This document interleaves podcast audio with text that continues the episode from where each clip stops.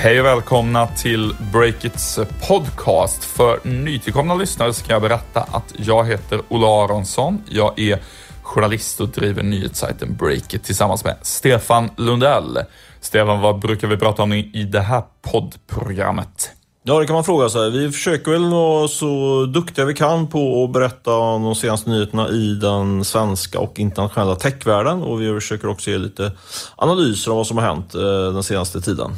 Och det ska vi även försöka denna vecka. Idag så ska vi bland annat prata om den stundande uppköpsvågen inom techindustrin och så avslöjar vi lite om spelet bakom styckningen av eh, ett av Sveriges största e-handelsföretag, Qliro. Men först så dunkar vi iväg fem snabba nyheter från veckan som gått. Jag börjar då med att eh, mediestartupen Gawker har gått i konkurs. Och det beror på rättstvisten med brottaren Hulk Hogan som blev för ekonomiskt dyr för Gawker. Och um, Hulk Hogan har ju fått stöd av Silicon Valley-miljardären Peter Thiel som också har en beef med Gawker. Och nu har han lyckats med sitt mål där, Peter Thiel kan man säga. Eh, Gawkers grundare, då, han lovar dock att nyhetssajten kommer att leva kvar i en eller annan form även efter konkursen. Och ansedda Wall Street Journal avslöjar här i, bara för några timmar sedan att eh, kinesiska Tencent är nära att köpa ett, eh, det finskländska mobilspelsbolaget Supercell för det facila priset av 75 miljarder, 75 miljarder kronor. En riktigt tung affär får vi säga. En annan, eh, ännu tyngre sån, det var ju i veckan att Microsoft köpte det sociala jobbnätverket LinkedIn. Det, de har lagt ett bud i varje fall som lär gå igenom på 217 miljarder kronor. Och så noterar vi ett riktigt eh, fiasko från eh, de svenska storbankerna. Det är den svenska betaltjänsten Swish, eh, som, eller Swish Handel som den heter, som är då Swish för, för e-handel kort och gott. Den har nu legat nere i över två veckor och bankerna som styr Swish har inget besked om när den kan vara igång igen tungt för de e-handlarna som vill använda Swish. Eh, och ännu en stor affär då får vi avsluta nyhetssvepet med. Twitter har investerat en halv miljard i den svenska musiktjänsten Soundcloud. Det ska vi prata mer om lite senare i podden. Vi sponsras denna vecka av Miss Hosting, bolaget som, liksom vi, har ett särskilt stort hjärta för startups. Ja, och det manifesteras inte minst av att eh, Miss Hosting vecka in och vecka ut stöttar vår startup, Breakit. Och en annan form av stöd till startups som eh, Miss Hosting har initierat är att de har dragit igång två speciella startup-paket. Just nu kan du faktiskt få ta del av de här eh, startup-paketen helt gratis. Det är dels en webbhotellösning och en lösning med eh, VPS, eh, virtuell pri privat server heter det va? Ja, eh, och om du går in på www.misshosting.se sponsra så får du all info där om hur du kan ta del av den dealen. Jag kör den adressen en gång till, www.misshosting.se sponsra. Gör det, då tackar vi Miss Hosting för att ni stödjer vår verksamhet och även stödjer svenska startups. Det rör på sig ordentligt i eh, en av Sveriges största e-handelskoncerner, Qliro. Qliro äger ju en rad e-handelsbolag. CDON är kanske det mest kända, men de äger ju flera andra som sagt. Och på onsdagskvällen så blev det klart att eh, vitvarusajten 30.se den säljs till White Away och enligt våra källor är det här bara början. Stefan, du har mer koll. Ja men precis. Eh, jag var ju faktiskt i kontakt med, eh, med eh, Qliros avgående VD Paul Fischbein redan på onsdags eftermiddagen och konfronterade honom med de här uppgifterna att Qliro var på väg att sälja 30.se. Då hade han inte mycket att säga, han var väldigt tystlåten, det kan man kanske förstå. Och jag gnisslade en del tänder när nyheten kom sen på, på kvällen att de hade sålt, sålt sin sin e-handelsenhet där. Det är väl lärdomen om det, att man aldrig ska vänta med att publicera en, en story. Men hur som helst, eh, vi har ju lite mer uppgifter kring det här och, eh, och bakgrunden är, till den här försäljningen är ju flera. Och vi kan ju säga också att de har enligt mina källor varit väldigt nära att sälja sin leksaksajt Lekmer. mer. den processen låg faktiskt eh, längre fram än eh, 30.se försäljning av den. Men det var den här lagerflytten som skapar en hel del problem och det stoppar upp processen för Lekmer. Så den här processen kommer kanske dras igång igen och tidsplanen är att det ska vara klart till hösten skulle jag gissa. Känns som det har varit en mardröm det där med lagerflytta för Qliro. Det blir, blir liksom aldrig rätt. Man får, man får räkna med att det kommer att slå rejält mot resultatet. Eh, du, det har ju snackats om en uppdelning eller styckning av Qliro i flera år. Eh, nu händer det. Varför händer det just nu? Ja, det kan vi i alla fall slå fast till att börja med. Det är ju ingenting som ledningen själva annonserat, men enligt våra källor så är nu huvudspåret att man ska dra igång en styckning, som det heter på finansvänster, utav verksamheten. Eh, tanken är att man ska sälja stora delar utav e-handelsdelarna och eh, förmodligen då behålla finansdelen som är som en utmanare till Klarna kan man säga. Så jag vill poängtera att det är, eh, jag vet inte exakt om det är så, utan det, huvudspåret verkar vara så. Eh, men eh, det som jag vet är att eh, den här processen har fått ny fart, alltså processen att strukturera upp verksamheten. I samband med att man fick in en ny storägare här i mars, eh, då kom eh, riskkapitalbolaget Right in som, som ny storägare. Jag tror de är tredje största ägare i i Qliro efter bland annat Kinnevik. Och de har fått med sig eh, några av de andra storägarna. Eh, och lite oklart hur Kinnevik eh, står, ställer sig till det här men eh, det tror jag är orsaken till att, eh, att 30 nu säljs och att även Lekmer är på väg att avyttras. Det känns ju lite sådär, äntligen händer det med, med Qliro eh, och enligt investerare som har väldigt bra koll på dem, som jag har pratat med, så eh, har det styrts för dåligt helt enkelt. Man kan säga att det har blivit varken hackat eller malet. Eh, det har varken varit så att alla verksamheterna har varit helt samkörda, men man har heller inte riktigt eh, kört det som helt självständiga, mer entreprenörsdrivna bolag, utan en liten konstig mix som inte riktigt har funkat. Så att eh, enligt de investerare jag pratar med är det här eh, väldigt positivt, att man liksom förtydligar uppdelningen. Ja, aktien är upp nästan 10% här nu på, på torsdagsmorgon, så, så den så kallade marknaden verkar gilla det här också. Uh, en annan intressant detalj som jag tycker i det här, då är, om man tittar lite grann vilka som står bakom Right, uh, eh, det är ju finansmännen som vi också brukar kalla dem när vi jobbade på Dagens Industri, det gör vi numera också tror jag väl. Peter Lindell och Kristoffer Häggblom. Uh, de har blivit uh, sett upp nu den sista tiden som är riktiga tungviktare skulle jag säga i tech-Sverige som, som investerare. De har haft mycket pengar bakom sig länge men nu har man kunnat notera att de har gjort ett riktigt klipp i spelutvecklaren Paradox i samband med att de gick till börsen. Eh, de tjänar väldigt mycket pengar när den finska e-handelskoncernen Verkkokauppa, tror jag det uttalas, eh, såldes. De hade gjort en delexit där och fick in mycket pengar. Och eh, ytterligare i min argumentation för att de är tunga som, eh, som investerare i Techsverige just nu är att de eh, ställde upp som ankarinvesterare och räddade den här nyemissionen, eller noteringen utav auktionssajten Lauritz. Eh, det var ju också här i veckan. De stod, stod för en hel del av pengarna i den eh, nyemissionen. De kunde köpa in sig till rejäl rabatt, tror jag 25 procent. Eh, och de är ju också, har ju annan, annat eh, avtryck så att säga i Tech-Sverige med att de äger eh, storägare Nyheter24 och i Mathem. Eh, så jag tror att de där ska man ha ögonen på nu framöver. De får ju loss en hel del pengar i samband med noteringen av Paradox. Eh, så det kommer nog hända en hel del saker där eh, framöver. Spännande tycker jag.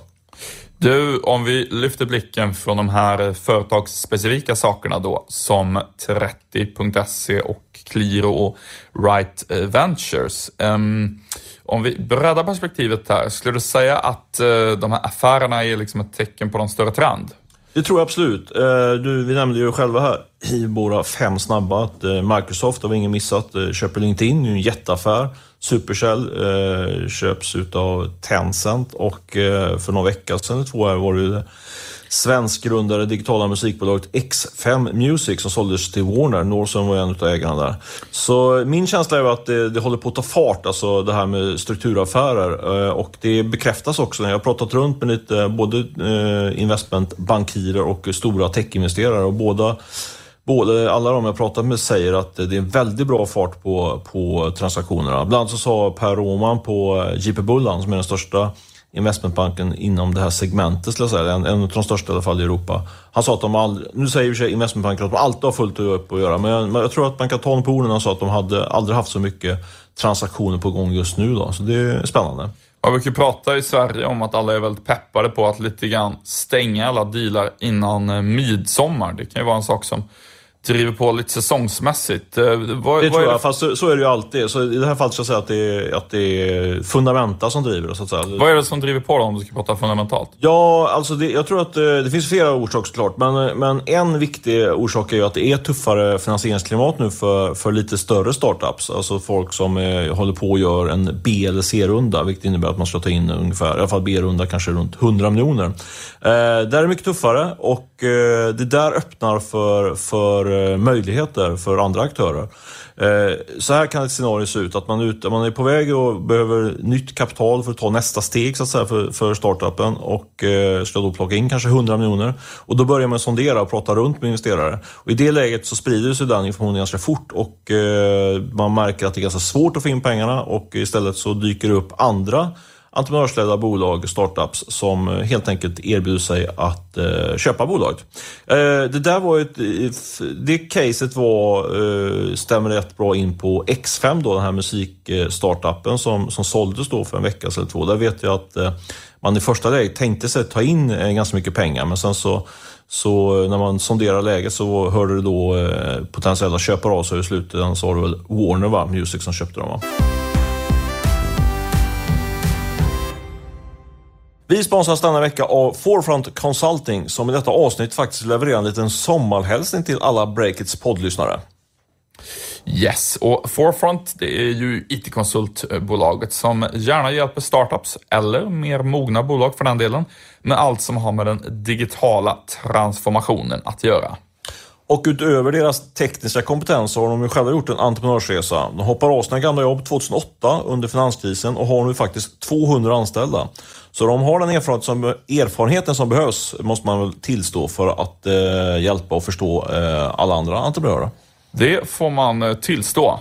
Eh, och med det så tackar vi Forefront för att de fortsätter att stötta Breakits podcast. I veckan har ju världens största teknikföretag Apple haft sin som vanligt intensivt bevakade utvecklarkonferens. Eh, jag tittade lite grann på den, men Olle, du har tittat närmare eh, på den, lite längre också. Vad var det som hände där? Ja, eh, jag var en av få som höll koll på den där medan Sverige spelade fotbollsmatch. Jag tror inte det var jättemånga svenskar som följde det där så intensivt. Men jag gjorde det och det man kan säga är att den här utvecklarkonferensen, det är ju inte då Apple presenterar nya prylar, typ iPads och sånt, för oss konsumenter, utan den är liksom till för att smöra för apputvecklarna kan man säga. De alla som bygger prylar för Apples ekosystem, så det är lite i den kontexten, utveckla flörten, som man ska förstå nyheterna som kommer ifrån konferensen. Men det kom ett gäng nyheter i alla fall? Ja, men det gjorde det och eh, helt väntat var då en ny version av operativsystemet för mobilen, eh, alltså för iPhone. Och eh, iPhone det är ju den stora grejen för Apple, där den stora försäljningen eh, för deras del kommer ifrån. Så jag tänkte fokusera på det. Eh, iOS 10 släpptes ju nu då och eh, man kan säga att de stora grejerna där, det var att Apple nu öppnar upp eh, eh, för andra utvecklare att leka med röststyrningen i Siri, att leka med iMessage, alltså deras meddelandetjänst och också Apple Maps. Alla de grejerna blir tillgängliga för tredjepartsutvecklare. Så man kan använda sig av Siri i sin egen app till exempel då? Eller? Precis. De där tre funktionerna jag räknade upp, de, de blir tillgängliga. Så att till exempel om man har en mattjänst så kommer man kunna koda med den mot iMessage så att folk kan beställa mat i, i liksom meddelandetjänsten. Eller om du har en bilapp så blir det mycket enklare att koppla upp den mot Siri så att du liksom kan prata med bilappen medan du sitter och, och kör i bilen. Och det finns ju, det är ju bara fantasin som sätter gränserna där eh, lite grann. Eh, det man kan säga är att eh, det är viktigt för Apple att göra utvecklarna lite gladare, för generellt sett så är ju Google mycket mer öppet eh, för utvecklare. Där kan man bygga lite mer vad man vill, medan Apple är lite mer av en stängd borg. Och eh, det, därför så, eftersom Apple vill att folk ska göra väldigt mycket appar till ekosystemet och så, för att, ja, för att vi som har iPhone ska fortsätta köpa iPhones så att säga, så är det stor betydelse för dem att de liksom lyckas locka utvecklarnas gunst. Mer info från konferensen som du snappar upp? Ja, eh, Apple ska satsa mer på AI, eh, vilket är intressant. Det är många som ifrågasätter att eh, de kommer lyckas med det. De ligger ju typ 15 år efter Google vad gäller maskininlärning av alla slag. I och med att Apple är ett hårdvaruföretag egentligen. Och det är också lite komplicerat för Apple för de satsar ju mycket på integritet. De säger ju att all din data lagras lokalt på din telefon och hamnar inte uppe i något stort moln som det är hos Google. Och, och det kan ju vara lite knivigt om man vill bygga eh, AI-lösningar och para det med, med integritet. Men hur gör Apple då för att, liksom, för att kunna satsa mer på AI men ändå inte kompromissa då med den här viktiga integriteten? Mm, ja, de krumbuktar sig lite kan man säga. De pratar ja. om något som de kallar för differentiated privacy. Eh, så jag fortfarande inte riktigt förstår. Det är väl liksom lite grann ett, ett ord man hittar på för att liksom, ja, men det är integritet men ändå inte, typ. Eh, och sen så har de uppfunnit en egen speciell metod för att anonymisera användardata så att de kan skicka upp en del användardata i molnet och så hävdar de att de har kommit på ett väldigt smart sätt som gör att den aldrig ska kunna spåras till vilken individ den egentligen eh, handlar om. Eh, och man kan väl säga att det här är väl Apples stora utmaning just nu. Om det här är lite den artificiella intelligensens år så finns det ju en eh, risk att Apple hamnar efter där. För Facebook och Google och de här, de satsar inte så mycket på integritet utan de, de kör mer på att vi hämtar all data om det är uppe i vårt moln och analyserar den för att bygga så smarta lösningar som möjligt. Det finns nu en risk att eh, Siri, eh, som Apple satsar mycket på nu, att den blir mer korkad helt enkelt för att de inte kan vara lika fria i hur de hanterar användardata och då kommer Facebook och Google före. Så det blir intressant att se där i, i det riktigt stora spelet bland eh, techbjässarna, hur det går för Apples AI-satsning. Tack för den här briljanta genomgången utav eh, vad som hände på utvecklarkonferensen eh, medan vi andra såg på fotboll. Eh, du, eh, vi ska prata lite mer om veckan, en av veckans riktiga nyhetsbomber. Det kommer ju nya nyheter där hela tiden tycker jag på, i den svenska techvärlden, men även internationellt. Hur som helst, Twitter investerar ju i Soundcloud, eh, fick vi reda på från den initierade techsajten Recode. Och eh, ja, hur tolkar du den affären? En bomb måste man ändå säga att det var. Ja. Eller Bombs, de var ju på väg att köpa Twitter. Twitter var ju på väg att köpa Soundcloud för två år sedan, så det var ju inte helt uh, oväntat. Men vi måste väl erkänna att vi inte hade några, några ingångar på den där affären från start. Nej, och det blir ju ändå, det var, det var ju ändå ett par år sedan det där var på gång och sen dess har man inte hört någonting om det. Så det var ju en bomb. Spontant så eh, tycker jag att eh, ganska mycket är sagt om det där. Det är ganska logiskt att Twitter vill ha mer innehåll på plattformen och gärna vill samarbeta med Soundcloud. Eh, och Soundcloud vill använda Twitter för att nå ut och få fler prenumeranter till deras nya musiktjänst Soundcloud Go helt enkelt. Sen har vi rätt stort kapitalbehov också måste man säga. För jag, jag förstår så när de drar igång den här betaltjänsten nu som, är, som håller på att rullas ut nu, den kommer ju kosta väldigt mycket pengar. Eh, och då kommer ju 100 miljoner dollar väl till pass. Eh, så jag tror att det är en viktig komponent i den här affären. Eh, Twitter investerar ju 70 och sen kommer det 30 från, från andra investerare. Ja men verkligen, så är, så är det absolut. Soundcloud behöver verkligen de där, de där pengarna. Man kan ju bara se på mycket pengar det har kostat för Spotify att rulla ut deras betalda musiktjänst i världen. Eh, men om man ska gå förbi de här initiala kommentarerna som har varit och blicka ett steg längre bort så tycker jag att Recode som ju ehm, avslöjade den här nyheten hade en väldigt intressant take på det här eh, med vad som kommer hända med Twitter. För det är ju så att eh, nu spår de många att Soundcloud kan ta hjälp av Twitter för att växa användarbasen. Men frågan är vad som händer med det där samarbetet om Twitter köps upp. Och enligt Rico då, som avslöjade den här nyheten och som är bäst i världen på att bevaka Twitter, får man säga. De brukar komma med de bästa avslöjandena där. Så är nu Twitter på allvar i spel och eh, det var en formulering där som fastnade på mig att det ser närmast oundvikligt ut, skrev Recode i veckan, att eh, Twitter ska köpas upp. Och det där hänger ihop med den andra stora amerikanska techaffären, alltså att LinkedIn eh, nu eh, köps upp. Eh, Recode spår att det kommer leda till en kedjereaktion där också Twitter eh, byter ägare. Twitter har ju rasat på börsen med 60 procent sedan vd-bytet eh, och eh, nu spås det att någon kommer tycka att det där ser inte alltför dyrt ut. Så att Google... Det gick, gick, gick upp så sent som i natt här på New York-börsen eh, och var en av vinnarna där just på, på, på de här uppköpsspekulationerna kan man tillägga. Exakt, eh, ja, verkligen. Och då är det ju Google som vanligt som tippas som en potentiell tagare och sen så pekas stora mediebolag typ Comcast eller någon annan sån tv eller eh, mediejätte ut som, som tänkbara köpare. Och då ärver ju den där nya ägaren Soundcloud-samarbetet och Soundcloud-ägarposten, vilket är intressant.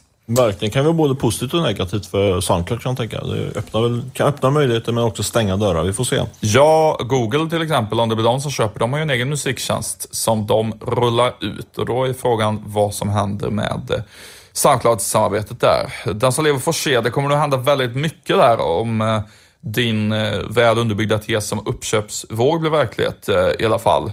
Eh, ett annat område där det händer väldigt mycket och mycket intressanta grejer, det är ju vår egen kapitalanskaffning. Vad är nytt där? Ja, eh, det händer saker hela tiden faktiskt. Jag får nästan jag börjar kalla, har fått dåligt uppdatering själv eftersom jag har suttit och spelat in podd nu i 45 minuter och rullat in mejl om alla möjliga eh, abrovinker, framförallt på de här avtalen, investeraravtalen och aktieägaravtalen som har varit lite eh, turer fram och tillbaka. Eh, man förstår ju det att det, det, här med att ta in pengar är ju verkligen två, två saker. Dels ska man ju locka investerare men sen ska man också lösa det juridiska och det är inte alltid en barnlek.